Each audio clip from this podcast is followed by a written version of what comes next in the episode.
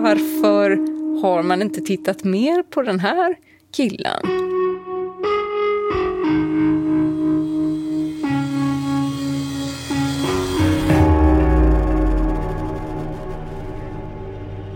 Vad visste egentligen Sara Lundblad om mordet på sin pappa? Sen vet jag inte om det var han som gjorde det eller någon annan.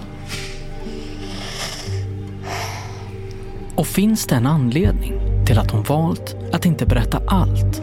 Han ville inte att jag skulle lämna huset. Han skulle ha kontroll på allt jag gjorde. Han skulle ha kontroll på min mobil. För spår berättar nu polisen att personen som Martin Törnblad menar är skytten faktiskt varit intressant under hela utredningen. Naturligtvis eh, har varit intressant i hela utredningen, ja. Ändå har polis och åklagare valt att aldrig förhöra den här personen som misstänkt. Det finns ju en massa uppgifter här man skulle kunna konfrontera den här personen med. Till exempel vad han hade haft för sig under den här natten eller morgonen. Det här är Spår Med Martin Jonsson, och Anton Berg. Förlösa mordet. Sista avsnittet. Kanske där vi ska någonstans. Men, eh, Nej, men här kommer anrop. En regnig höstdag står vi framför grindarna till Ystadanstalten. Ja, det är här hon avtjänar sitt 18-åriga straff. Sara Lundblad. Ja, hej. Anton Berg, Martin Jonsson. Vi ska träffa Sara Lundblad. Ja, då är ni välkomna in. Tackar. När Spår påbörjade den här granskningen av förlösamordet fick vi tidigt höra att det fanns mer i fallet än vad som kommit fram. Vi fick höra, enligt flera som antingen granskat fallet, varit med i själva utredningen eller varit inblandade i den rättsliga processen, att fallet var uppklarat men inte helt avslutat. Så när vi påbörjade den här granskningen så var vår målsättning att titta på det här fallet helt objektivt. Hej, Anton Berg, Martin Jonsson. Och det är ju det som Spår gör och har gjort nu i sex säsonger. Vi granskar rättsfall som är omdiskuterade och kan urholka synen på rättssamhället. Om det finns oklarheter så rapporterar vi om dem. Likaså berättar vi om saker som talar emot både vittnen och dömda. Kort sagt, vi genomlyser det som skett och varför det har skett. Ja, fint. Det är också därför vi är här, för att träffa Sara Lundblad. Tackar. Så vi sätter oss ner i väntrummet och väntar. Även fast vi nu i arbetet med spår har varit och besökt många fängelser så är det fortfarande lite omskakande varje gång. I det här mellanläget då man klivit in i fängelset och tills dess att man får träffa en intagen. För här finns nämligen alltid barnstolarna och barnbordet och barnleksakerna. Sara Lundblad och Martin Törnblad fick barn ett år efter det att Göran försvunnit. Det barnet har de nu förlorat vårdnaden om och deras barn är placerat i fosterhem. Sara har varit sparsmakad med sina intervjuer efter det att de båda blivit dömda. Det finns några korta uttalanden från henne i kvällstidningarna men hon har aldrig tidigare berättat hela sin version på det sättet hon nu sagt sig villig att göra med spår. Hejsan! Hallå, hallå. Hej Silvana! Hej, Martin. Hej Silvana! Så därför blir det extra tungt när det första vi möter är en lång rad av personal som har dåliga nyheter. Eh, ni skulle träffa... Ja. Ni skulle träffa Sara? Ja, tydligen så vet hon inte riktigt om att ni skulle komma. Sara vet inte om att vi ska komma och vill därför inte träffa oss. Men vi, ja, för vi, vi, har- vi har ju pratat med hennes advokat så de har ju pratat. Men, Ja. men de kanske inte fattar att det skulle vara idag. Så Vi har ju Ja. förstått det. Och hon ju liksom, Och hon vill prata med sin advokat först. Men vi får höra med eh, personen ni har pratat med så får ni vänta lite här då. Ja. Ja? Och Saras advokat sitter i rätten i ett annat mål och är okontaktbar.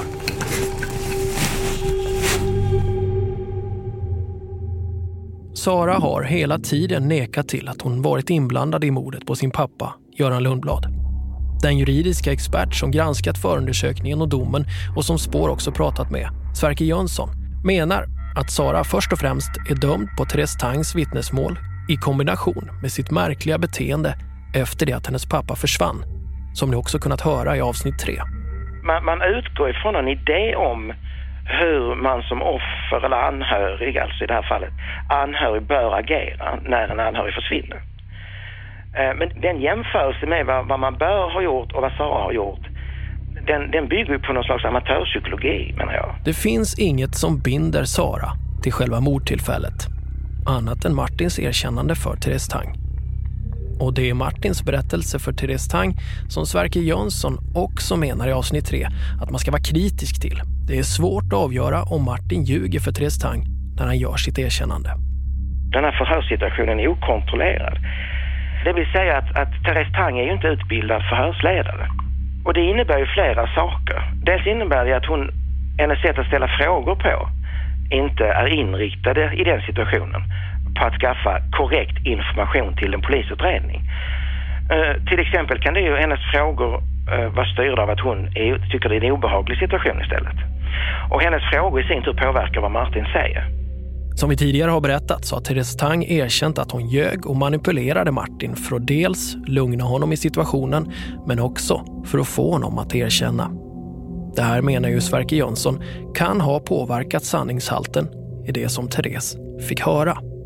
Det här blir extra problematiskt när Martin i sin tur också har en dokumenterad historia av att just ljuga.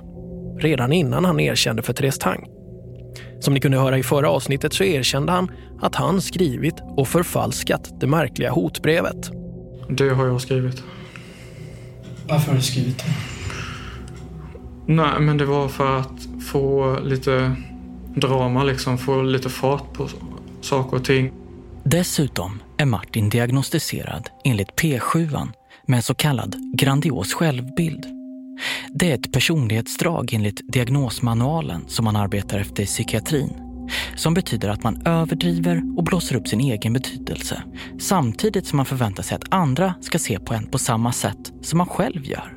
Och dessutom så saknar man empatisk förståelse för att andra inte ser en på just det där uppblåsta sättet.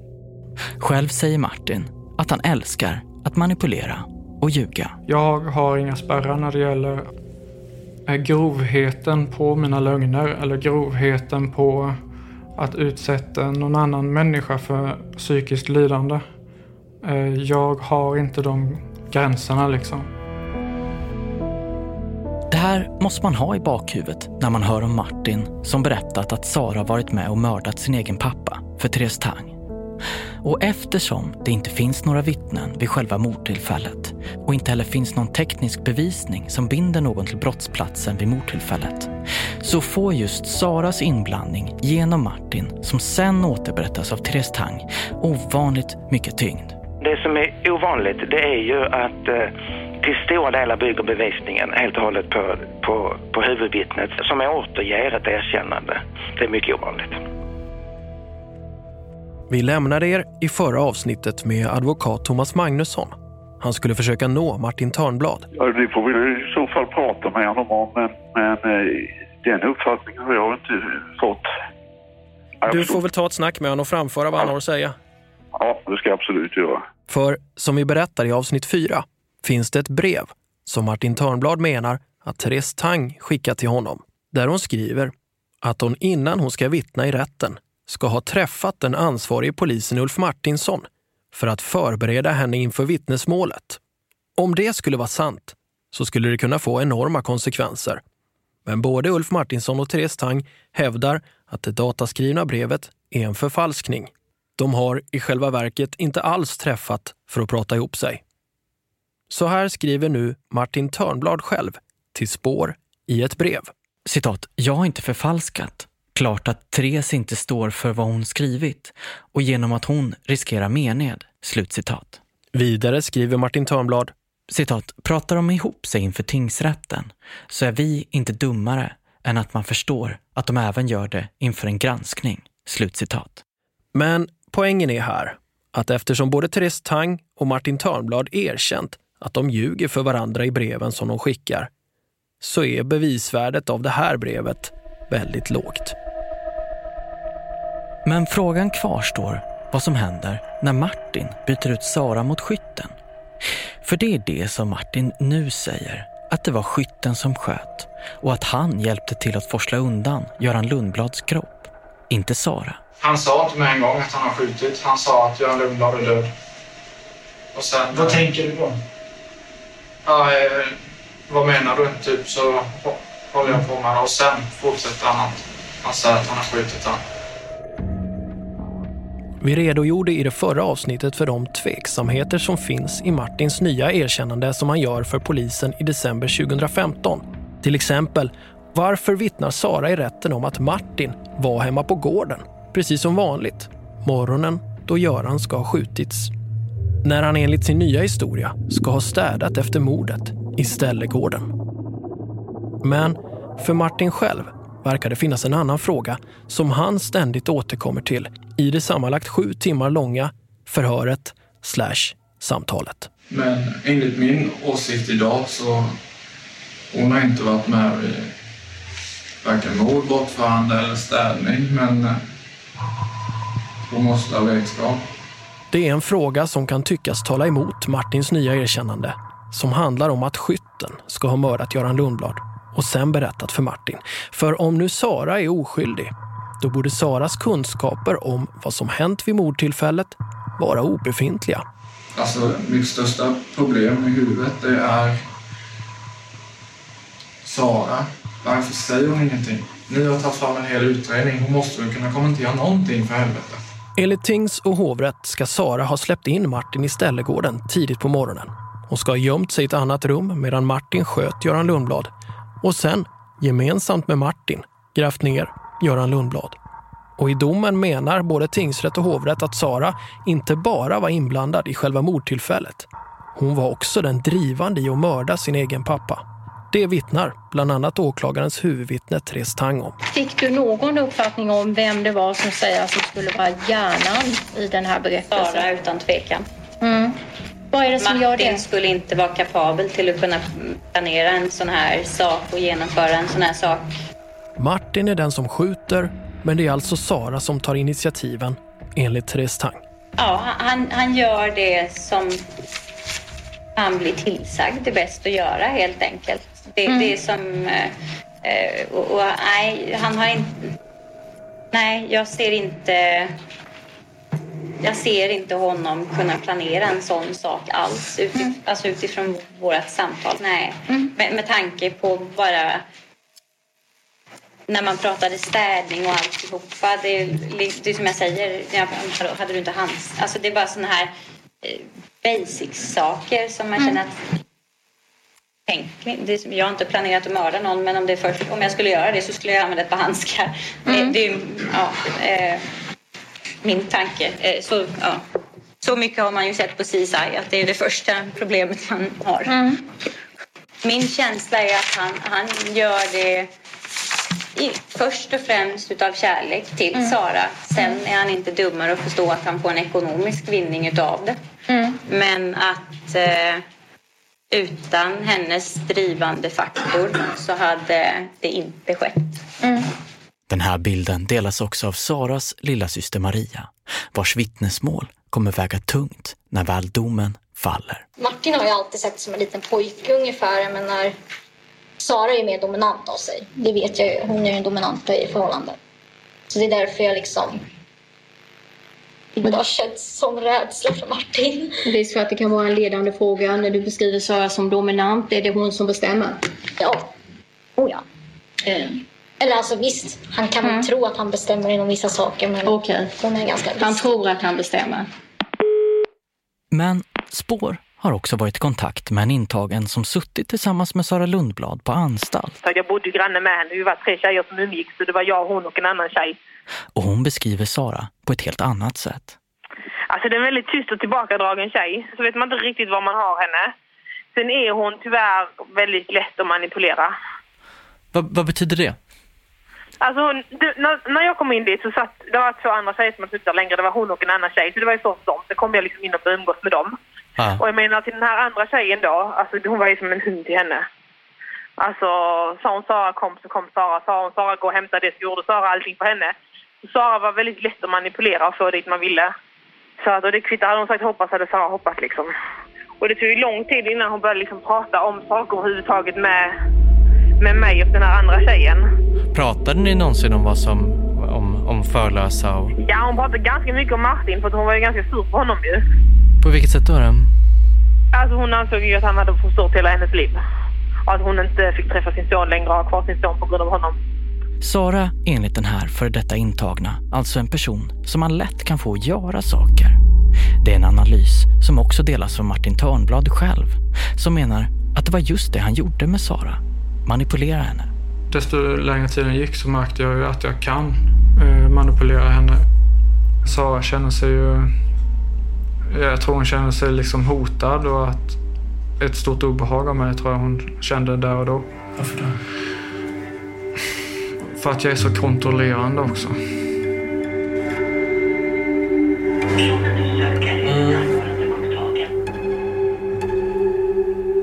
Till slut blir det paus i Saras advokats rättsförhandlingar och vi får äntligen kontakt. Ja, det är Sanita Memorering från anstalt i Nystad. Hej, det är lite problem här. Skulle du ha tid att byta några ord med Sara? Så till slut får vi möta Sara. Hon sitter i ett besöksrum med armarna i kors.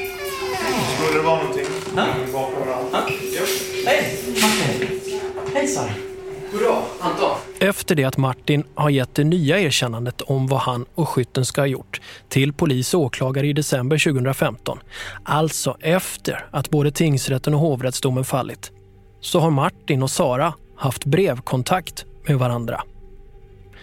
Så Sara vet alltså vad Martin har sagt. Hon vet om att Martin menar att Sara är oskyldig och att det var skytten som sköt.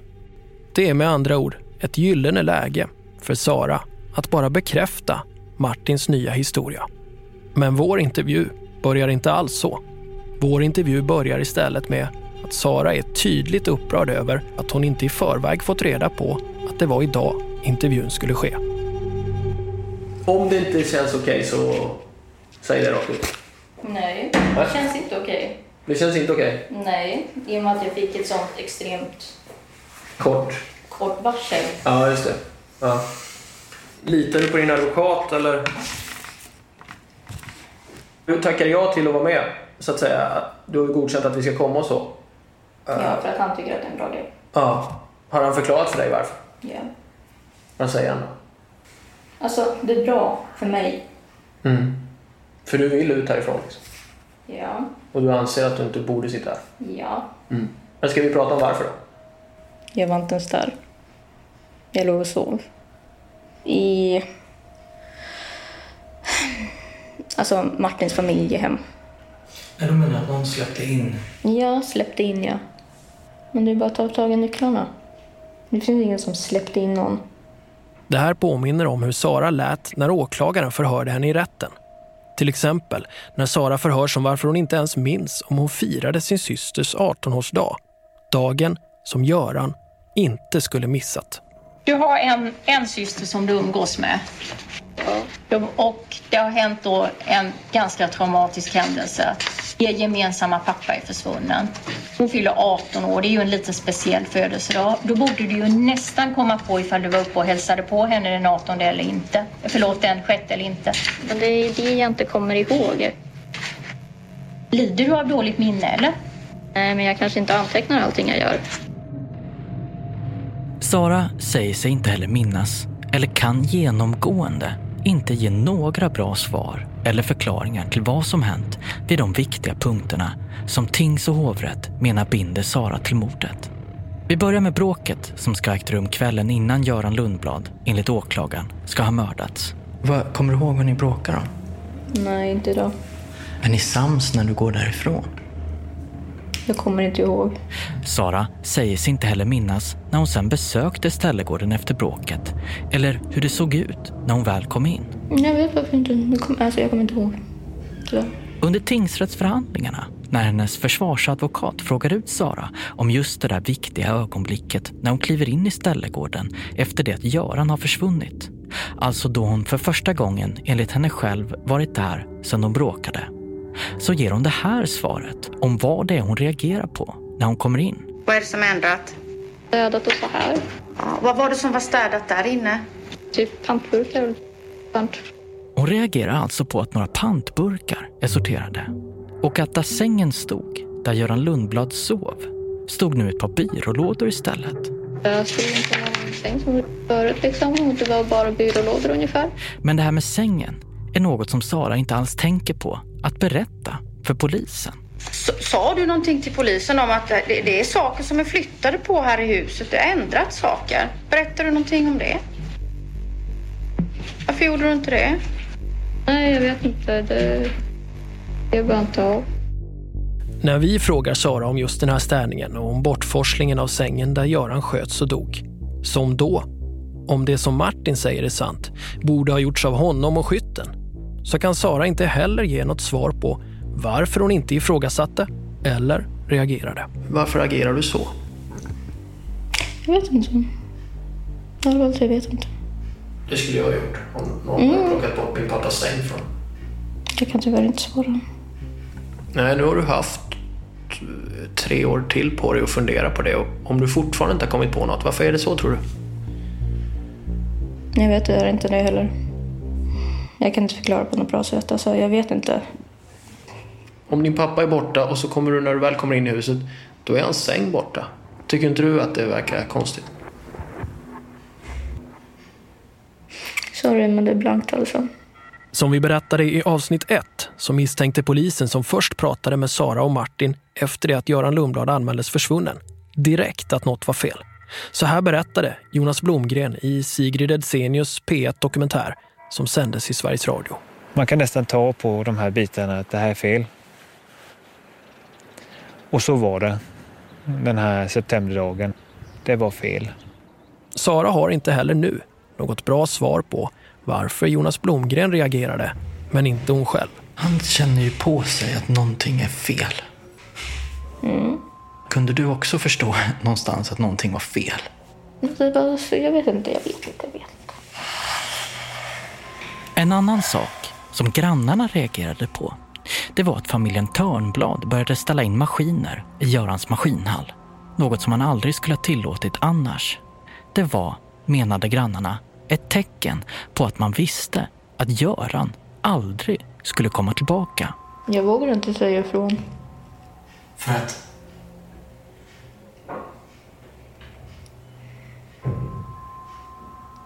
Mm, för att det är dem. Varför inte då? Alla kommer bli arga på mig. Och vad händer när de blir arga på dig? Jag får skit för det. Vad tror du då har hänt med Göran? Att han var borta. Även fast man inte kan knyta Sara till mordtillfället annat än genom Martins berättelse till Therese Tang så är det ostridligt att Sara och Martin renoverade mordplatsen några månader efter det att Göran försvunnit. Sara menar nu att Martin var den drivande. Det var Martin som ville ha det så. Varför? Jag var död just då. Jag visste inte vad jag skulle göra, jag hade ingen aning. Kunde du inte prata med din syster till exempel? Jag ville inte göra henne orolig på något sätt. Hon kändes ung fortfarande. Alltså, hon var min lilla syster. Jag är äldst. Jag ska ta hand om henne. Hon ska inte ta hand om mig. Sen blir du ju arg på henne när hon har hört av sig till Missing People. Kan du berätta varför det blev så? Jag kände inte till den gruppen överhuvudtaget. Jag visste inte vad det handlade om. Det kändes så extremt konstigt att en Facebookgrupp på något sätt, alltså det kändes bara konstigt. I och med att jag aldrig hade hört talas om dem tidigare så var det bara så främmande för mig. Så jag reagerade. Åklagaren gjorde ju en poäng av att titta här, lilla syster vill leta med på alla sätt det går efter pappa. Hon använder Missing People. Men stora syster, nej. Hon blir till och med arg när man försöker göra sådana här saker. Kan du förstå att det verkade lite konstigt? Alltså, jag hade ju kopplat in polisen. Vad mer skulle jag göra? Och precis som i intervjun med Martin blir det en välkommen oväntad vändning när vi plötsligt kan fastställa något konkret. För efter det att Göran Lundblad försvann så tillsätts Ann-Kristin Simonsson till god man. Hon upplever sig hotad av familjen Törnblad och ersätts av en annan god man, Lars Bimby. Det skär sig direkt mellan Lars Bimby och Sara och Sara försöker få Lars Bimby ersatt. I rätten så insinueras det att Sara ska ha förfalskat en fullmakt som ska ge Sara full kontroll över ekonomin.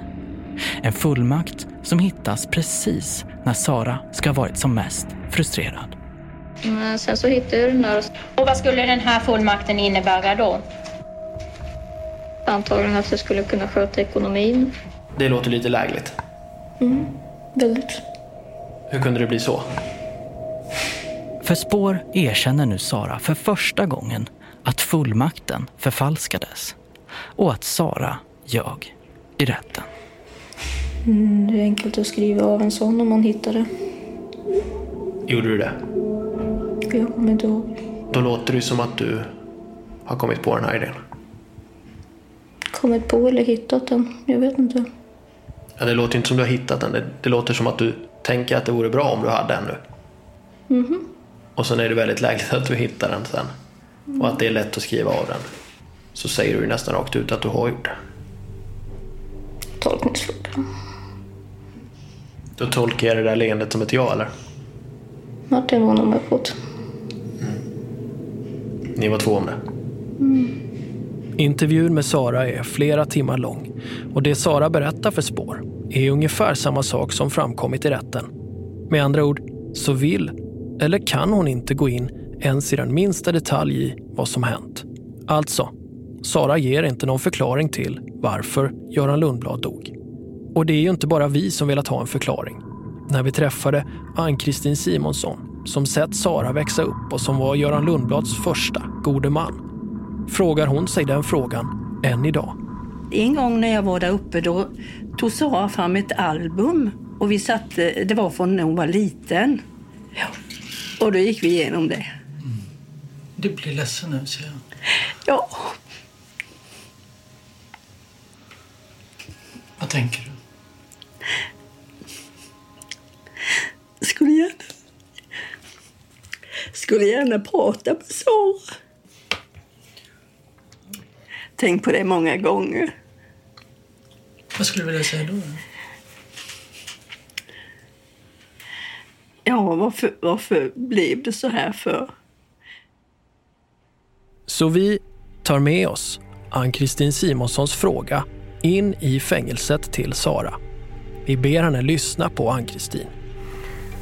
Stopp, play. Skulle gärna prata med Sara. Och då händer någonting oväntat. Ja, varför, varför blev det så här för? Plötsligt vänder hela vår intervju. Vill du svara på vad hon säger? Alltså, vad tänker du när du hör henne? Hur, hur hon vill prata med dig liksom?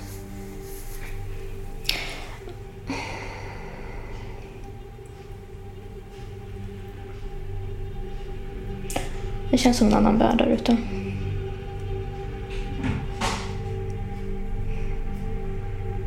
Jag kan inte lita på folk längre. För mig känns det som att jag är tryggare här inne.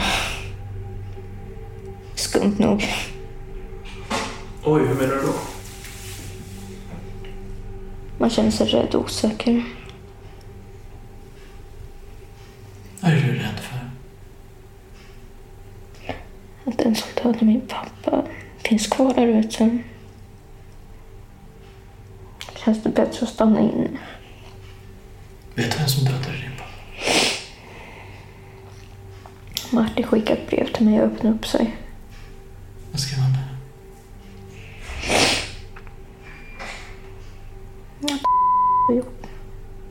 När Sara säger att hon vet vem som sköt så är det alltså egentligen bara information som hon läst i Martins brev till henne.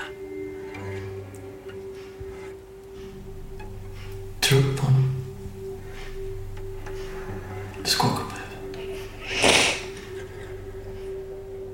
Jag kan aldrig mer lita på honom.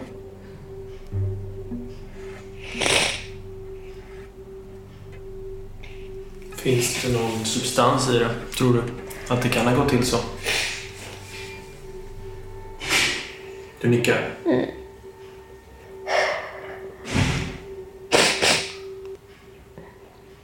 Desperat handling.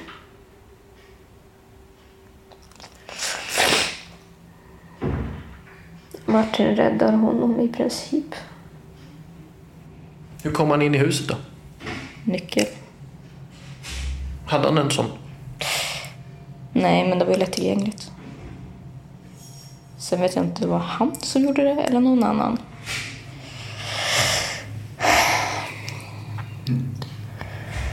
Men varför skulle den här personen vilja skjuta Göran?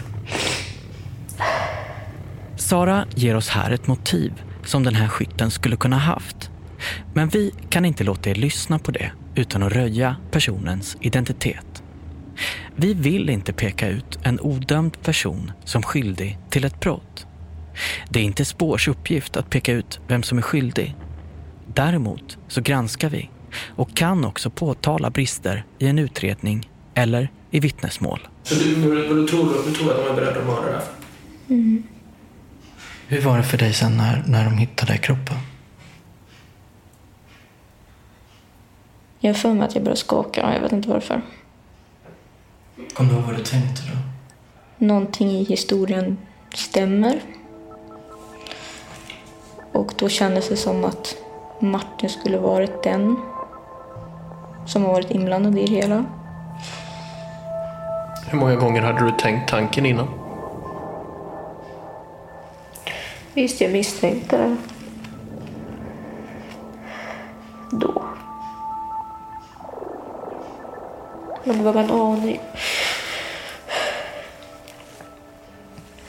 När Göran var borta? Mm. Det var när han blev arg på mig. Och en gång när han sa, när jag satt och hade typ lite picknick med min son på gräsmattan. Han kommer från jobbet. Och han är bara skitförbannad. Han smäller igen dörren på bilen och är bara allmänt irriterad. Han ville hålla i min son. Eller våran. Eh, och sen tittar han mig bara i ögonen. Sara, kan vi inte döda oss? Allihopa. Han frågar i princip vem av oss som ska dö först. Alltså man får något tryckande stämning, alltså allting blir bara olustigt. Varför sa han så? Han är galen. Misshandlade Martin dig? Nej, det är bara typ vanliga grejer. Vad är vanliga Nyper. Mm, örfilar någon gång ibland. Och varför slog han dig? Makten. Och I vilken situation kunde det vara? Jag kunde ifrågasätta honom kanske. Blev du chockad? När han slog mig. Mm. Mm. Inte? Hur kan ni ha det så? Det blir så. För att hålla en på plats. Bryta ner en. Så man inte vill göra någonting annat. Så man inte får en egen vilja. Men det bryter du dig fri från honom till slut. Ja. Hur gick det till? Jag fick en son. Man ändrar livsuppfattning när man får ett barn. Han blev avundsjuk på våran son. Och han sa att jag har förändrats. För jag älskar min son mer än honom. Och han såg det som någonting negativt. Så jag kände att jag måste därifrån. Hur reagerar Martin då? Han var läskig. Är det här någonting som du berättar för din advokat inför tingsrättsförhandlingarna? Nej, Varför inte det? förnedrande. Men när du sitter i tingsrätten, begriper du då att nu riskerar jag livstidsfängelse? Mm. Men så du begrep att du riskerade livstidsfängelse men du ville ändå inte berätta för din advokat att du är, s- behandlas på det här viset av din pojkvän?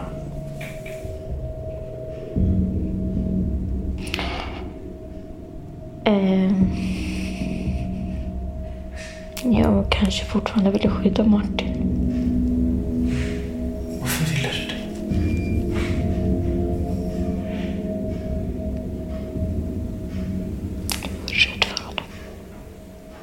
Vi har bett Martin att kommentera Saras berättelse om den fysiska och psykiska misshandeln.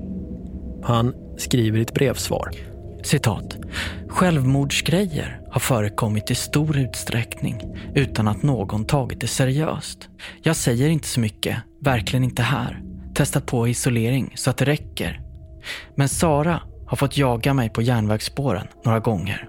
Slutcitat. Martin avslutar brevet med Citat. Frågan om fysisk misshandel svarar jag inte på. Oavsett svar kommer jag få problem här i fängelset. Slutcitat. Men hur ska man värdera Saras historia? Vanligtvis så brukar historier som är berättade i efterhand vara mindre värda rent rättsligt än de historier som berättas först. Grunden i det synsättet är som vi också visat i intervjun med Martin att ju mer tiden går, ju mer kunskap kan en person få i fallet och på så sätt påverka sin historia, medvetet eller omedvetet. Det är alltså först nu som Sara påstår att hon har blivit psykiskt och fysiskt misshandlad. Hur ska vi förhålla oss till den här nya informationen? Vi ringer därför till Nationellt centrum för kvinnofrid i Uppsala. De arbetar på uppdrag av regeringen för att höja kunskapen om våld i nära relationer. Nationellt centrum för kvinnofrid är också knutet till Uppsala universitet som har ett vetenskapligt råd med expertis i ämnet. Om nu Sara blivit misshandlad av Martin, varför lämnar hon honom inte? Åsa Witkowski, som är enhetschef vid Nationellt centrum för kvinnofrid, menar att det inte är så enkelt. När vi intervjuar Åsa ska också påpekas, har vi medvetet låtit bli att berätta om det här specifika fallet för att inte påverka Åsas svar. Det brukar nästan vara den vanligaste reaktionen och den vanligaste frågan att men varför går hon inte? Varför går hon inte efter första slaget? Eller varför går hon inte när, det, när hon märkte att det inte var en okej relation? Och när man börjar förstå att relationen inte är okej, då har det ofta gått så långt så att det har man inte möjlighet att göra eftersom då har ju också isoleringen blivit så stor så man har inte så många alternativ, man ser inte så många möjligheter för man kanske har brutit med många utav de kompisar och vänner och familj som man tidigare umgicks mycket med. Sara har vid flera tillfällen vittnat om att hon från början upplevde att relationen med Martin var bra. Var- han din första kärlek? Mm, Andra. Så då, har- då är du ganska ung va, när ni blev ihop? 21 plus 2 tror jag. Ja. Då var han den här underbara, perfekta personen. Han ställde upp för en, han gjorde en glad. Han gjorde väl i princip allt. Det börjar som en väldigt passionerad eh, historia och man är väldigt intensivt uppvaktad och känner sig väldigt uppmärksammad och sedd och liksom en massa positiva ord beskriver ofta eh, de här kvinnorna som sen sakta men säkert kryper eller förändras så att det blir en väldigt stark kontroll istället där man kanske både blir hämtad och lämnad till jobbet och, och, och det blir diskussioner varje gång man säger att man vill träna eller ha ridning eller kör. Eh, så att man sakta men säkert har bara relationen som man har med, med sin partner. Och precis som Åsa berättar så förändras också Martin och Saras relation. Han förändras. Hur? Han blir elak, helt enkelt. Mm. Alltså jag vet inte hur jag ska förklara det här.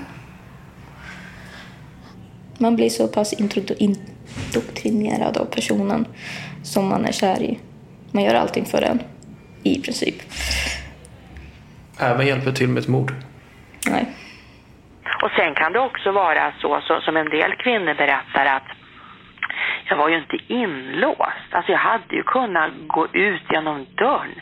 Men jag visste ju vilka konsekvenser det skulle få så det vågade jag inte. Så det blir också den här dubbelheten som är svår för omgivningen att förstå och svår också för den som är utsatt att liksom förklara att men jag var ju inte inlåst. Men alltså jag, jag visste ju vad som skulle hända om han märkte att jag hade varit utanför dörren. Så att det, det, det är det här som blir så otroligt, otroligt eh, eh, obegripligt för omgivningen att förstå. Och Sara vittnar om just det här utvecklade kontrollbehovet när hon försöker lämna Martin. Han ville inte att jag skulle lämna huset. Han skulle ha kontroll på allt jag gjorde. Han skulle ha kontroll på min mobil. Han skulle ha kontroll på min dator. Vart jag än åkte någonstans skulle han ha full koll på var jag var. Jag var tvungen att ringa honom för att kolla att jag hade kommit fram. Men frågan blir ju varför sen under rättegången fortsätta att skydda Martin? Som Sara säger nu till oss att hon faktiskt gjorde. Men du minns ju hur det var på, eh, på Norrmalmstorg när de kom ut och sa att, att eh, när gisslan kom ut och sa att de, de eh, ville ju fortsätta med rånarna. Alltså det är precis det. Alltså man, man ska komma ihåg det där liksom att man, man har ju, det, det, det blir alldeles ett bakvänt perspektiv. Ja, även fast den här personen då kan ha begått ett, ett, liksom ett extremt brott. Personen som är utsatt för det är ju så normaliserad, så insnärjd i, i, i det här så att det är inte alls ovanligt att det är så man, man eh, reagerar och det är väl det som är det viktiga att eh, föra ut så, som kunskap att, att eh, det här måste man se, det här måste man ha kompetens för. Det här som Sara nu berättar, det försökte faktiskt åklagaren själv också undersöka under rättegångarna. Ni kanske minns hur det lät? Har han misshandlat dig fysiskt någon gång? Det har han inte gjort. Har han misshandlat dig eller varit dum vid dig på något annat sätt? Mm. Något du vill berätta om? Nej. Om det är så att Sara blivit misshandlad och åklagaren vill få reda på det under tingsrätten så gör hon i så fall ett misstag här. Det menar Åsa Witkowski. För det hon inte borde gjort är att fråga Sara framför alla människor. Framför Martin. Man måste ställa frågan enskilt för det går ju inte att svara ärligt på en fråga om den man är rädd för sitter bredvid. Och sen också att eh, första gången man ställer frågan så ska man kanske förvänta sig ett nej för att man har inte sett det med de ögonen.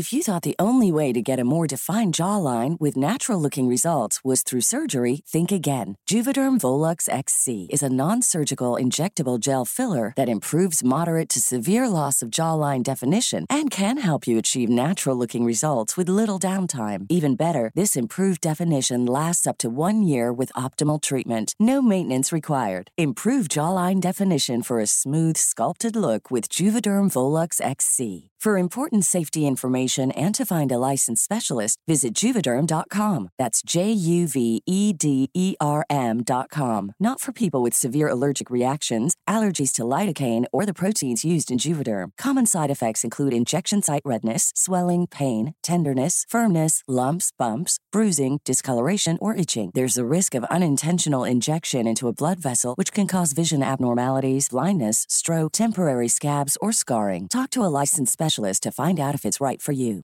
How would you like to look five years younger? In a clinical study, people that had volume added with Juvederm Voluma XC in the cheeks perceived themselves as looking five years younger at six months after treatment. Look younger, feel like you. Add volume for lift and contour in the cheeks with Juvederm Voluma XC. Reverse signs of aging by adding volume to smooth laugh lines with Juvederm Volure XC.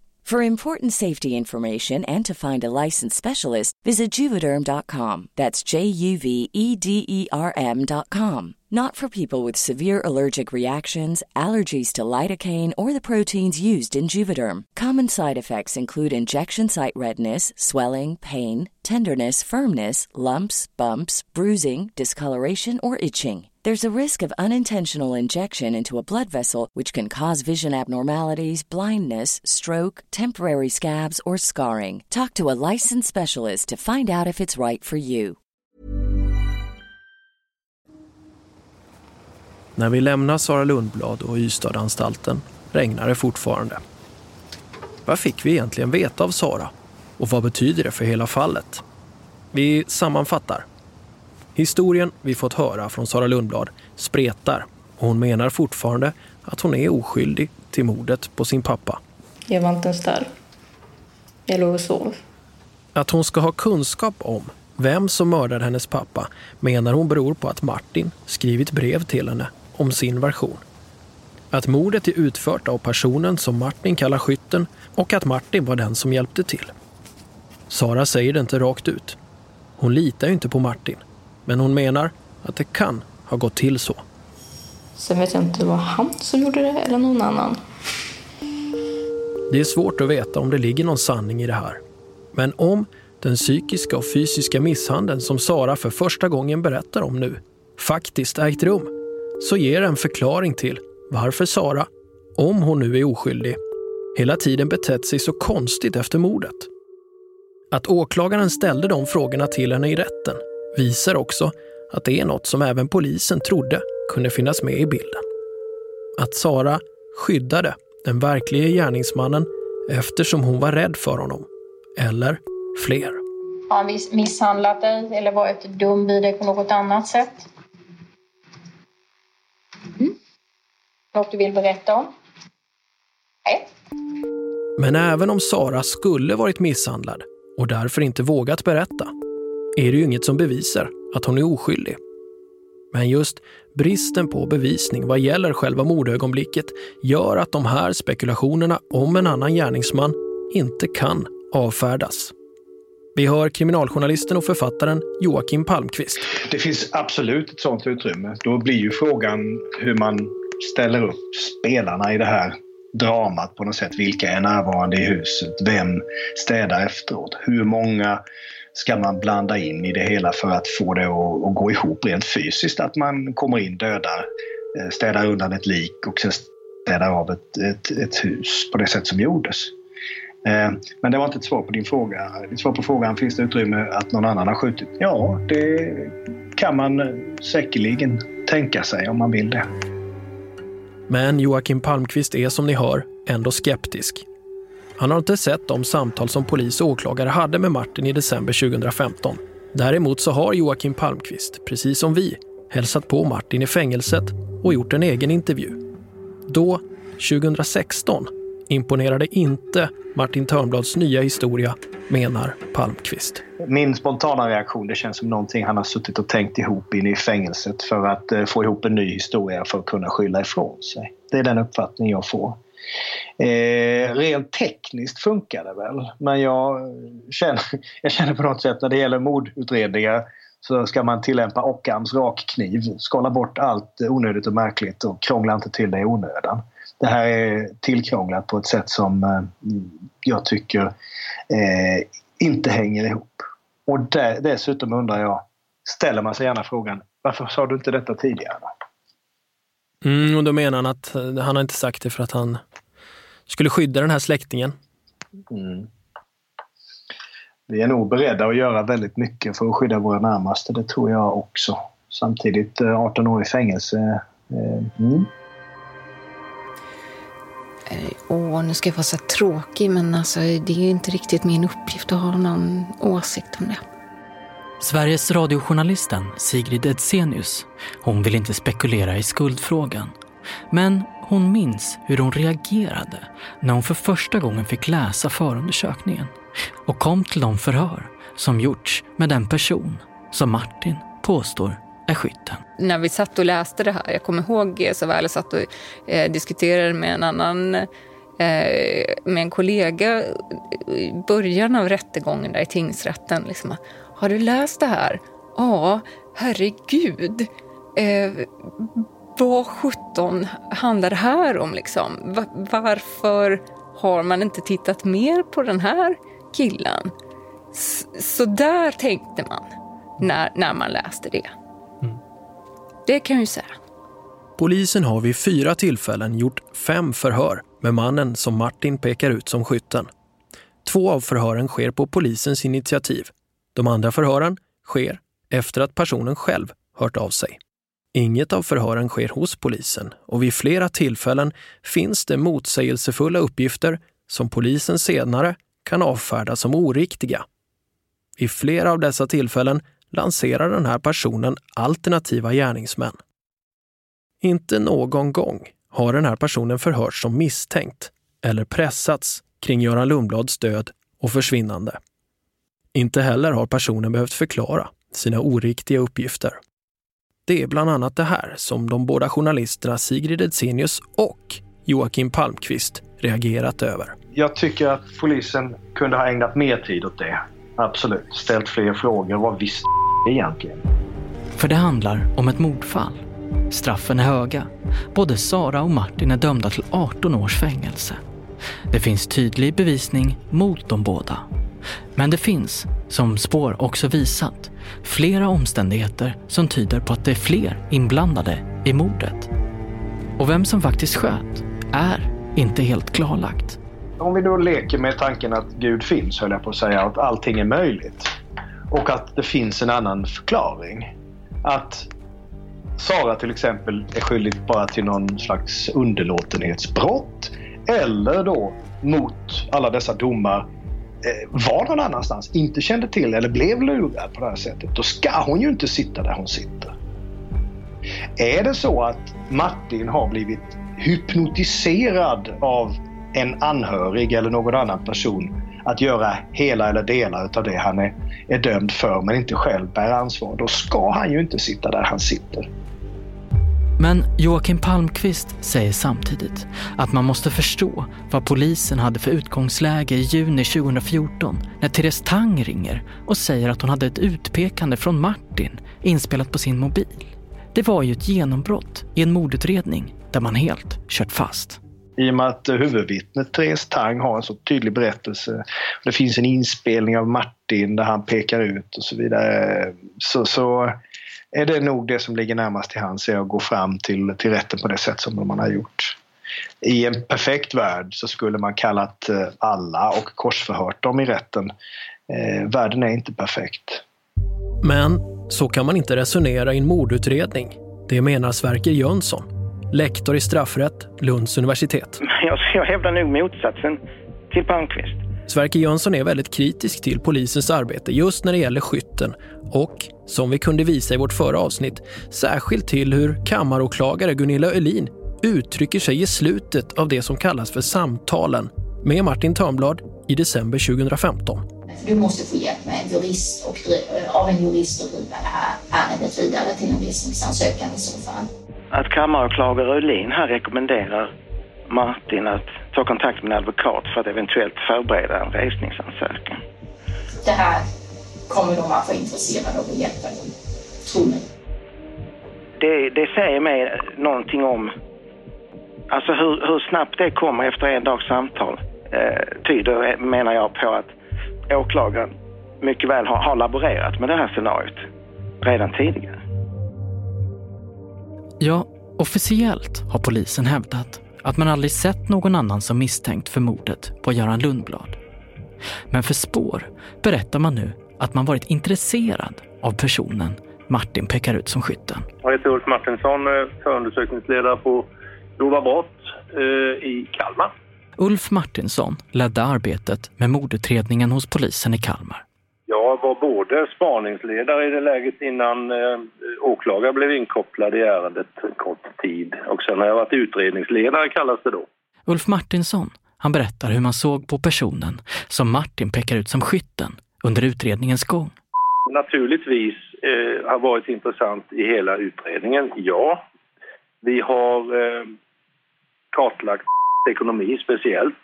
Så att motiv har ju funnits där. Naturligtvis har det varit intressant för oss i utredningen. Polisen har också gjort andra undersökningar av olika slag och haft förhör med personen som vi kallar skytten. Men Sverker Jönsson har läst förundersökningen och han menar att de få förhör som gjorts är ytliga och sker flera gånger på den här personens eget initiativ. Det är personen som söker upp polisen, inte tvärtom. Någon grundligare utredning har polis och åklagare aldrig genomfört mot den här personen. Det menar Sverker Jönsson. Ja, och är det så att man har haft en misstanke mot den här andra personen tidigare och inte gått till botten med det eh, så har man ju faktiskt i det här fallet gjort det på bekostnad av Martin och inte minst av Sara. Eh, och då har man faktiskt brustit i den grundläggande principen för brottsutredningar och för väckande av åtal, nämligen objektivitetsprincipen. Den här utredningen som de nu tipsar Martin om att själv ansvara för. Eh, ja, ja, mitt intryck är att det är utredningsåtgärder som borde ha gjorts eh, i, under förundersökningen innan man väckte åtalet. För att, man skulle kunna, för att man ska kunna hävda att man har skött utredningen objektivt och sakligt. Och, och då har det ju varit ytterst eh, åklagarens sak naturligtvis eh, att göra bedömningar om man ska eh, agera i, i form av att hålla förhör och, och så eventuella frihetsberövande och sådana saker. Det blir ju en bedömningssak. Kammaråklagare Gunilla Öhlin var ytterst ansvarig för utredningen, men hon vill inte ställa upp på intervju. Så den enda som kan ge oss svar på hur man resonerat är kriminalkommissarie Ulf Martinsson. Ja, har man, har man någonting att komma med så att säga, i form av konkreta bevis, då är ju frågan enkel att besvara. Har man inte det, då uppstår ju ett antal frågor naturligtvis. Eftersom man skulle agera mot en person så är, ju, så är det ju så att då, då, eh, då talar ju vi om vad vi har för inriktning och tankar också. Om du förstår vad jag menar. Det här är ju det är bedömningar utifrån vad man kan tänkas att nå med, med en sån åtgärd. För ni gjorde ju bedömningen att ni aldrig har hört honom som misstänkt, eller hur? Mm, den är gjord så, ja. Och det är det här som lektor Sverker Jönsson är så kritisk mot. Att personen som polisen nu bekräftar att man varit intresserad av ändå aldrig är förhörd just som misstänkt.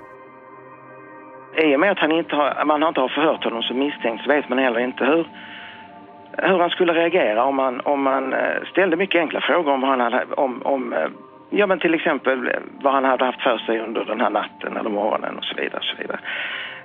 Det finns ju en massa uppgifter här man skulle kunna konfrontera den här personen med. Och det går ju inte på förhand veta om det lönar sig eller inte. Det måste man ju pröva innan man kan avfärda det. Och det har man inte gjort. Du tänker på specifikt första förhöret med skytten? Ja, till, ja det första förhöret med den här personen är ju, eh, har det ju visat sig fullt med, fullt med lögner.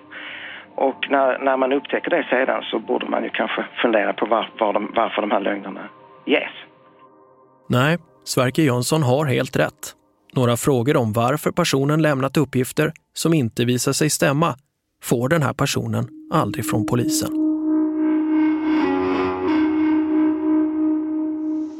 Rulla bandet där. Och då är det ett samtal med Martin Törnblad.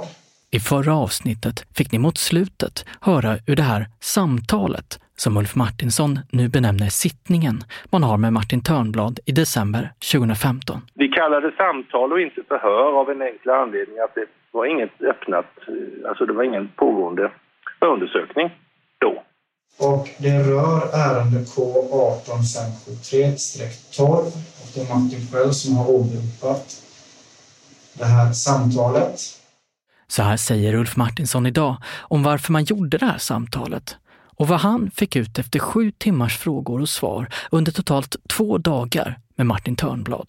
Och vi har väl, kan jag tänka mig, alla som har deltagit i den här utredningen och såväl som många andra, eh, känner väl att man har väl, det är väl ytterst sällan man har den hela fulla sanningen i, i något sånt här ärende. Så, så att jag menar det här, den, den intresset av att, att få mer konkreta saker, vad som har hänt och så, det, det, är ju jätteintressant för oss såklart. Men, men vi blev inte klokare av detta. Steg ett är det här, så att, så att säga, det, där du får stoppa nu och se till vad, vad som kommer ur det och sen så får du väl ha eh, något efter som sker så får du tänka, ja, nu går jag vidare. Mm. Det är där vi är nu. Ja. Nej, det finns ingen substans i detta som är värt att, att gå igång på nytt med. Det finns ingenting som, som gör det här möjligt heller att fortsätta. Men det behöver å andra sidan inte betyda att det, han, det hans version som han säger där är falsk, eller? Nej, det säger jag ju inte. Eh, att han sitter och ljuger för oss. Nej, nej. Det ja, just det. Mm. absolut inte. Nej, men bara så det blir tydligt för de som lyssnar att det ja, finns en skillnad nej, där. Ja, det är helt tydligt. För jag menar, det som är det intressanta det är att kunna hitta och få tag i några konkreta uppgifter som, som, som gör det här eh, möjligt att gå vidare helt enkelt. Och det, det, är, ju, det är ju en bedömningsfråga eh, såklart att det är. Eh, och, och, den bedömningen som är gjord den har, den har eh, Gunilla Öhlin eh, redovisat. Spår lyckas få tag i det här samtalet med hjälp av en fullmakt från Martin Törnblad själv. Så vi är de enda journalister som sett det här samtalet. Vi är därför del i en väldigt liten grupp som överhuvudtaget får ta del av vad som sägs under de två dagarna med Martin Törnblad i december 2015. Spår har därför låtit en rutinerad före detta polis och förhörsledare också titta på dessa sju timmar. Det här är en man som varit chef för grova brott i en medelstor svensk stad men som nu gått i pension. Han har lovat att ge oss en så kallad second opinion. Men kravet är att han ska få vara anonym. Det är känsligt med kritik mellan poliser.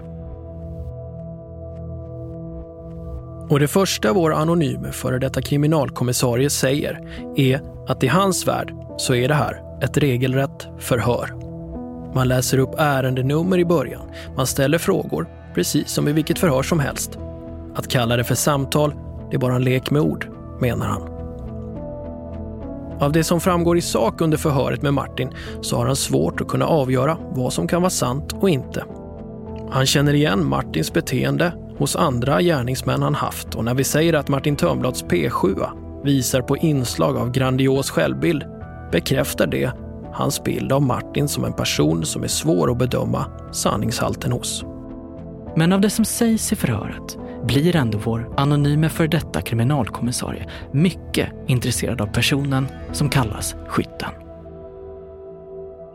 Vi ger polisen också samma kunskap om den här mannen som Kalmarpolisen hade redan tidigt i polisutredningen. Vi kan inte redogöra för de här detaljerna här, för då röjer vi identiteten på skytten. Men vi berättar helt enkelt om vad polisen kände till om mannen redan 2014. Då säger den här poliskommissarien att bara de uppgifterna i sig, oavsett vad Martin Törnblad säger i det här förhöret som han nyss sett, borde resulterat i att man anhållit mannen på sannolika skäl som misstänkt för delaktighet i mordet på Göran Lundblad. Då kunde man gjort bättre och mer kritiska förhör med mannen och därefter vetat om man kunde avfärdas eller inte. Vår anonyme poliskommissarie gör alltså samma bedömning som lektorn i straffrätt Sverker Jönsson. Alltså, jag har nu hävdat att man har att det är tveksamt om man har uppfyllt sin objektivitetsplikt. Och jag har tidigare sagt att det är tveksamt om beviskravet ställt utom rimligt tvivel är uppfyllt i det här fallet. Nu är det så här med båda de principerna att de är viktigast i de svåra fallen, i de tveksamma fallen. Det är just i den här typen av tveksamma fall som de här principerna, det är då man ska luta sig mot dem. Det är inte då som man ska hoppa på första bästa tåg som går. Sverker Jönsson menar att kammaråklagare Gunilla Öhlin haft för bråttom att väcka åtal. Möjligen är hon av en annan åsikt, men hon vill ju som vi tidigare redovisat inte ställa upp på intervju. Jag eh, har avslutat det ärendet och jag ställer inte upp på några intervjuer. Det gör jag aldrig när det gäller tidigare mål. Vi hinner ändå ställa en fråga som ju rimligen inte kan röra ett avslutat ärende eftersom man ju aldrig kallade mötet med Martin i december för ett förhör. Det var ju bara ett samtal, just för att inte öppna förundersökningen igen. Alltså borde ju Gunilla Öhlin kunna prata om det. Bara sista grejen. Jag, jag, vi har ju tittat på er, era, ett samtal som ni kallar det för med Martin Törnblad 2015 i december. Där. Mm. Och du säger ju på slutet att det är väldigt intressant att, eh, att en jurist kommer att tro mig, Martin. En jurist vill verkligen titta på det här. Va, va, kommer du göra någonting av det där materialet? Inte för närvarande. Oj, då blir man ju nyfiken när du säger inte för närvarande. Ja, men det är, det är mitt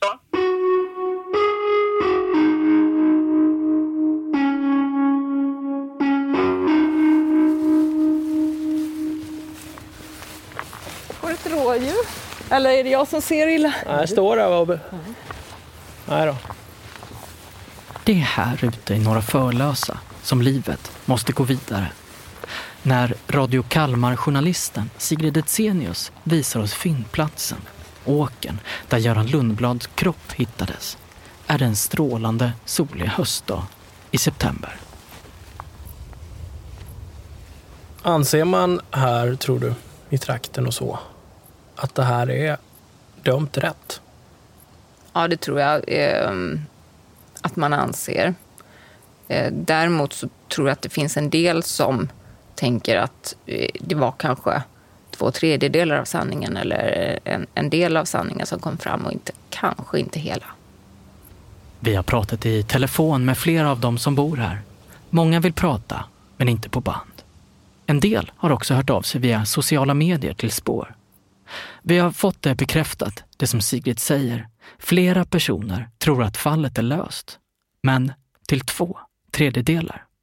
Vi frågar kriminalkommissarie Ulf Martinsson vad han vill hälsa till dem som fortfarande tror att fallet inte är rätt löst.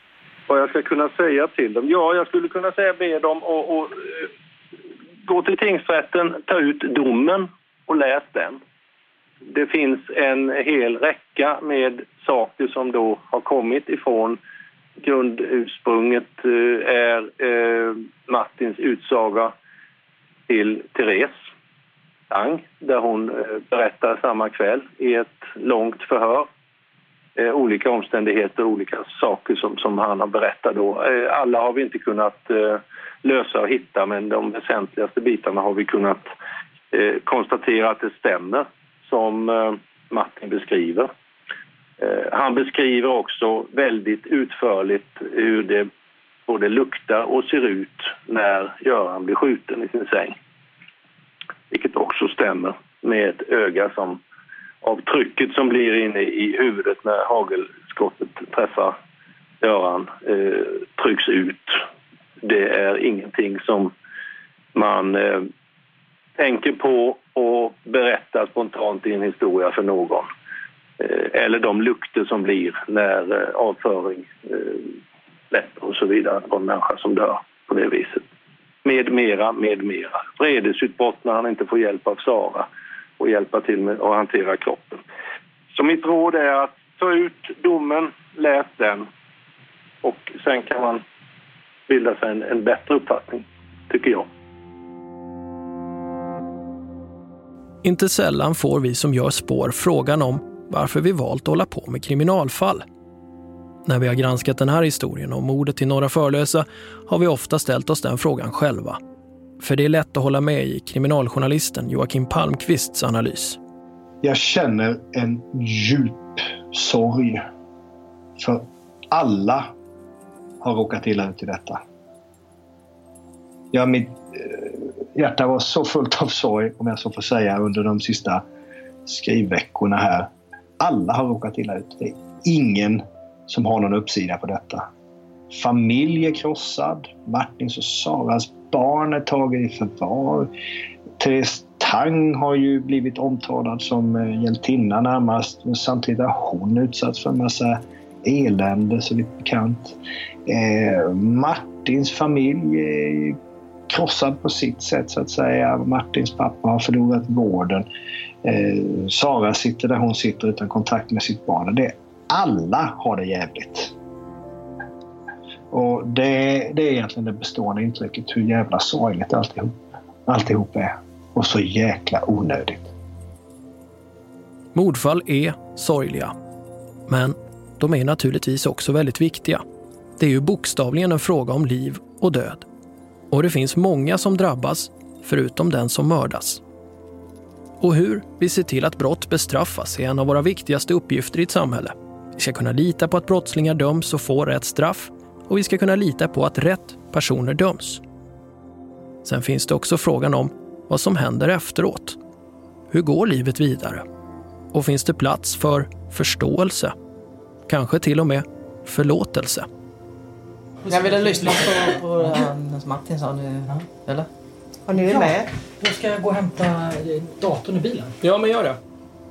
En konkret sak som Spårs granskning kring mordet i Norra Förlösa lett till är att vi nu fått ett erkännande, även om det inte handlar om själva mordet.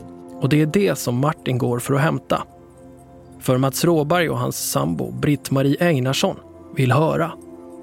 Det handlar om att Martin Törnblad nu erkänt att det var han själv som skrev hotbrevet som han påstod att Mats Råberg låg bakom. Och Martin Törnblad erkänner dessutom för oss att det var han som faktiskt låg bakom trakasserierna mot Mats Råberg. Martin har faktiskt bett oss framföra hans ursäkt. Jag vet inte vad man ska tänka. Jag tror egentligen för... Vet, han är ju som han är, Martin. Man vet inte om man ska lita på honom överhuvudtaget. Eller han... Nej, jag har känt honom sedan han föddes som sagt också, så jag vet ju hur han är. Och då har jag liksom aldrig gått att lita på honom. Man vet ju inte var man har honom. Om man menar allvar det han säger eller hur det är. Mats Råberg ser påtagligt plågad ut när han berättar om hur orolig han kände sig sista tiden före polisen grep Martin. Man visste inte vad som skulle hända när man vaknade sen dagen efter. Jag kommer ihåg en gång vaknade vi mitt i natten vid två, halv tre. Och det såg ut som det brann bortåt. Det var ett himla rött sken på, på himlen. Fy sjutton, alla vart så rädda var Vi tog bilen och körde som sjutton upp i Kommer du ihåg det? Mm. Bort till Karlstorp. Det var alldeles rött över himlen. Det såg ut som det brann som fasen där, men eh, vi såg ingenting sen. Jag vet inte vad det var. Det var på hösten där. Men varför var du rädd? Ja, men så som han höll på hela tiden. Det gick inte att prata med honom. Och det blev ju värre och värre ju. Han var ju helt som han var ju orolig. Det var tur han inte fick för sig att elda som sagt eller någonting sånt. Men du tänkte att han skulle göra någonting gentemot dig, eller? Ja, eller djuren eller vad, i och med att han höll på som han gjorde ju. Mm. Och sen mot slutet tänkte man ju för sista tiden vågade jag inte ens gå upp till ställegården. Det var, det var riktigt otrevligt. Vi spelar upp delarna från vår intervju som vi gjort på Kumlaanstalten med Martin Törnblad. Först erkännandet om hotbrevet. Det har jag skrivit. Vem var det skulle det ha varit ifrån då? Nej, alltså jag sa ju att det var ifrån... När jag skrev det så påstod jag ju att det var ifrån han, grannen Mats Råberg. Mm. Men det var det inte. Sen den delen när Martin erkänner att han också legat bakom trakasserierna mot Mats Råberg där djurfoder och maskindelar förstörts och där han uppträtt direkt hotfullt mot Mats. Nej, jag ville framföra som, som det är egentligen och be om ursäkt för, för att jag har uppfattat som hotfull i alla fall och eh, som ja, trakasserier eller hur jag ska säga. Hur är det egentligen? hur det är egentligen. Ja, du sa, du sa... Nej, men jag vill ju be om ursäkt för att det har varit så. Och, och jag, var, jag har varit villig liksom att lägga alla kort på bordet men jag tycker det är jättejobbigt för att ja, det är jobbigt att prata om helt enkelt. Ja, det, man vet ju, jag känner ju Martin så pass, jag vet ju att det går inte att lita på honom. Jag hoppas ju verkligen att han ändrar sig, men eh, det är frågan. Jag hoppas att han eh, menar det han säger. Men, men, men du ser inte övertygad ut? Nej, ja, inte helt. Men jag, jag hoppas han bättrar sig. Han har, har ju några år kvar där, där han sitter. Mats Råberg litar inte helt på Martin Törnblad. Ändå är det ju där hela målet vilar. På att Therese Tang litar på Martins erkännande och rätten i sin tur litar på Therese Tang. Och när vi står på fyndplatsen är det lätt att förstå Therese Tangs betydelse för fallet. Nej, men det är ju skyddat mot insyn ju. Även om det hade varit mindre sly spelar inte det någon roll.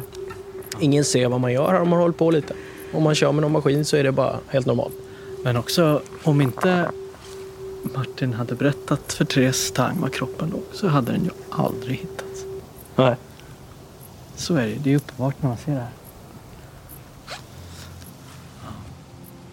Jag, jag vet att polisen sa till mig att lyssna inte på allt byskvaller för det kommer göra dig tokig. För det är sånt surr där ute. Folk anklagar varandra hit och dit för olika saker. Eh, och jag tror att jag är nog faktiskt den enda som gjorde det de inte har gjort. Jag valde att lyssna på allihopa. Så helt plötsligt så kände sig eh, folket där hörda. Eh, och, och, när man väl fick höra alla dessa eh, tokiga historier och galenskaper, alltså då fick man ju sådana starka känningar att det är ju någonting som är allvarligt fel här. Och eh, då kunde jag inte riktigt släppa det, får jag väl säga. Therese Tang är inte längre med i organisationen Missing People. Och ordförande, Magnus Idebro, han menar att det Therese Tang gjorde i Några Förlösa inte stämmer överens med hur man ska jobba inom organisationen. Nej, det här är ju så långt ifrån det som Missing People egentligen gör i normala fall. Utan är det brott så visst, polisen kan be oss om hjälp att, att kanske söka en kropp eller någonting sånt. Eller de kan vilja ha uppgifter om, om personer som kan ha varit med och sökt och det ställer vi naturligtvis upp på. Men här, här blev det ju en, en egen liten privatdeckar, eh, vad ska vi kalla det, privatdeckarklubb där egentligen. Va? Där Therese Tang och den gärningsmannen då var involverad. Det är inte Missing Peoples uppgift, är det inte. Samtidigt var det ju Therese Tang som lyckades få ur Martin Törnblad var kroppen låg. Det som gör fallet så komplext är att det sen bygger på hennes vittnesmål om att Martin även erkänt att det var han som sköt. Alltså enbart på en version som Martin nu säger var lögn. Martin Törnblad som gång på gång beslås med lögner. Det är väl det som blir det luriga här för att hur, hur eller hur så alla andra som får ta del av version nummer två har inte fått den här första delen och, och alla, alla dess detaljer och småbitar. Och, eh, det gör att jag tror att jag kan ställa en hel del motfrågor som kanske inte andra tänker på, om, om du förstår vad jag menar. Allt det där är ju jätteintressant, men tänk om det du har fått höra är en lögn då? Absolut, visst kan det vara så. Det, det, det vet jag inte. Uh, men uh, ja, det, det är ju inte upp till mig att bedöma vad som är rätt eller vad som är fel. Det jag gjorde det var ju återberättade det han sa till mig.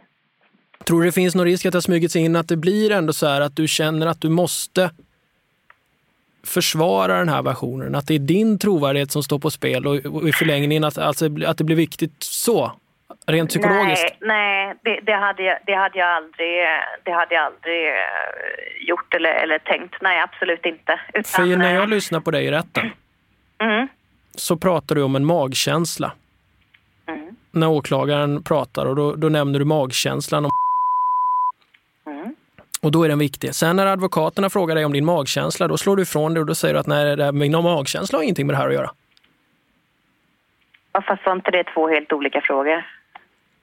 Ja, jag, när jag lyssnar på det så, så märker jag att du går i försvar när advokaterna frågar dig mm. saker på ställen som du inte gjorde när, när åklagaren pratar. Att, du liksom, mm. att det mm. finns ja, jag, någonting jag, jag, jag i dig. precis ett tillfälle. Ja, men det finns mm. någonting i dig som, som gör att du gärna vill närma dig åklagaren på ett sätt som du inte gör med advokaterna. Har jag fel?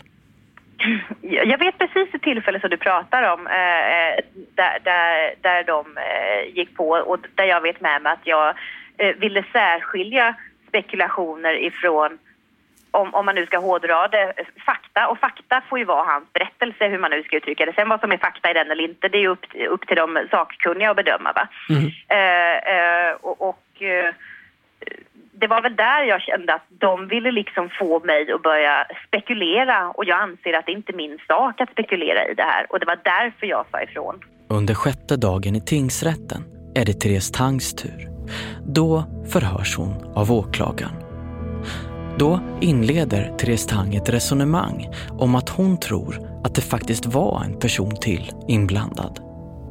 Det är samma person som Martin Törnblad nu pekar ut som skytten. Får du någon uppfattning om det är fler personer inblandade än Sara och Martin? Uh, jag frågar honom om är involverad. Mm. Han svarar nej. Mm. Uh, min magkänsla är något helt annat. Mm. Men det var Martin svarade? Martin svarar nej. När sen Martin Törnblads advokat tar över har det gått en vilodag. Och Therese Tang svarar då så här på advokat Thomas Magnussons frågor. Du fick berätta i torsdags här men du blev avbruten av åklagaren. När du fick frågan vad Martin hade sagt till dig. Nej. Eh, att det var han som hade gjort det och så vidare. Sen sa du att du fick en magkänsla. Får utveckla det lite vidare? Då måste jag ha i vilket jag, sammanhang. Och... Jag fick intrycket av att du i vart fall sa att du på något sätt kände på dig att var inblandad på något sätt. Jag vill påstå att Sara är den drivande faktorn. Ja, det sa du. Men eh, du nämnde en i sammanhanget. Martin har klart och tydligt sagt till mig, jag frågade honom, har någonting med det här att göra? Då sa han svar nej. Ja. Men du fick ändå en magkänsla, så svarade du i torsdag. Vad, vad min magkänsla och vad han säger är ju två helt skilda Ja, saker. men om du nu blev avbruten på åklagaren om din magkänsla så, så kan du få den frågan av mig istället. Du ville tydligen säga någonting. Jag tycker har betett sig märkligt, svar ja. Ni minns kanske hur Therese Tangs känsla för vad som hänt och inte hänt var viktig för åklagaren redan när man pratade om Saras inblandning. Så här lät det ju när åklagaren undrar vem som planerade mordet. Min känsla är att han, han gör det i, först och främst utav kärlek till Mm. Sara. Sen är han inte dummare att förstå att han får en ekonomisk vinning utav det. Mm. Men att eh, utan hennes drivande faktor så hade det inte skett. Både tingsrätten och hovrätten fäster stor tilltro till Therese Tangs vittnesmål. Men man bedömer att utpekandet av Sara har större betydelse än vad Therese Tang anser om personen som Martin påstår är skytten. Nu säger Therese Tang så här till Spår. När jag tittar på hela fallet, nu är inte jag sakkunnig, nu har inte jag den kunskapen. Men det är klart som fasen att man får en känsla av att fler har, har en, en, en, en, annan, en betydande roll i det här. Jag, jag tror i sig inte att själva historien som Martin har berättat för mig är fel. Det tror inte jag, det är min känsla. Men att det finns fler som har vetat om det och hjälpt till det borde vara rätt sannolikt att det är så. Men vad vet jag? Jag är inte en expert på det området. Nej, Therese Tang är ju ingen expert. Men hennes analys delas av en sån, nämligen kriminalkommissarie Ulf Martinsson. Den polis som kan fallet kanske allra bäst. Eh, att de skulle vara oskyldiga i det här sammanhanget, det, det tror jag inte. Att de, de här är nog riktigt dömda. Det är möjligt om det finns i någon form andra personer som skulle ha någon inblandning på något sätt. Det håller jag inte för uteslutet, men eftersom vi inte har fått någonting att jobba vidare på något konkret där, så, så är det höljt i dunkel tyvärr.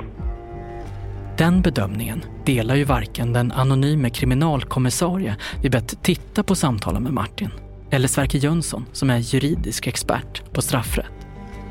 De menar att det som kommit fram om skytten i sig är så konkreta uppgifter vad gäller både motiv och lögner i förhör att det motiverar åtgärder från polisen. Det, min kritik handlar om bristande objektivitet i utredningen och att man väcker åtal för tidigt innan man egentligen har klarlagt rollfördelningen bland de här personerna. Sverker Jönsson menar att det som framförs av Martin och Sara nu, om skytten, inte i sig har något särskilt bevisvärde. Men att det ändå visar på en svaghet i bevisningen i hela fallet om mordet i Norra Förlösa.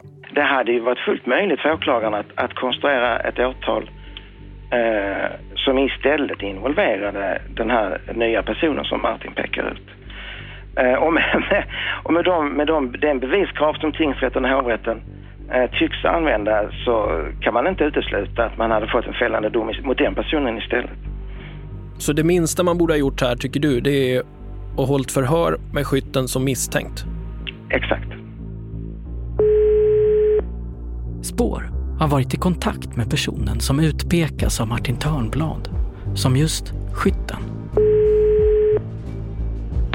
Vi spelar inte upp rösten, men personen svarar på vår fråga om det som Martin påstår är sant med följande citat. Det vill jag varken bekräfta eller dementera. vad tycker du om att vi granskar det här fallet då? Är det bra eller dåligt liksom?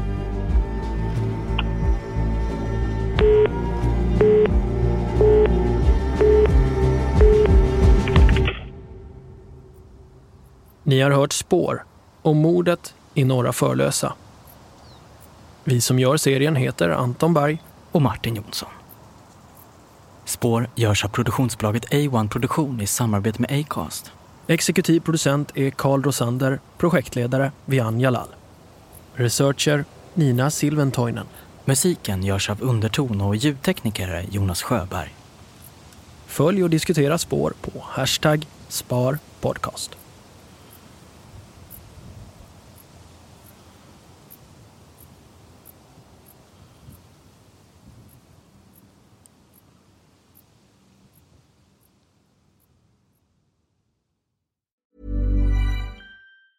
Hi, I'm Daniel, founder of Pretty Litter. Did you know cats tend to hide symptoms of sickness and pain? I learned this the hard way after losing my cat, Gingy. So I created Pretty Litter, a health monitoring litter that helps detect early signs of illness by changing colors, saving you money and potentially your cat's life. Pretty Litter is veterinarian developed, and it's the easiest way to keep tabs on your fur baby's health right at home. Go to prettylitter.com and use code ACAST for 20% off your first order and a free cat toy. Terms and conditions apply. See site for details.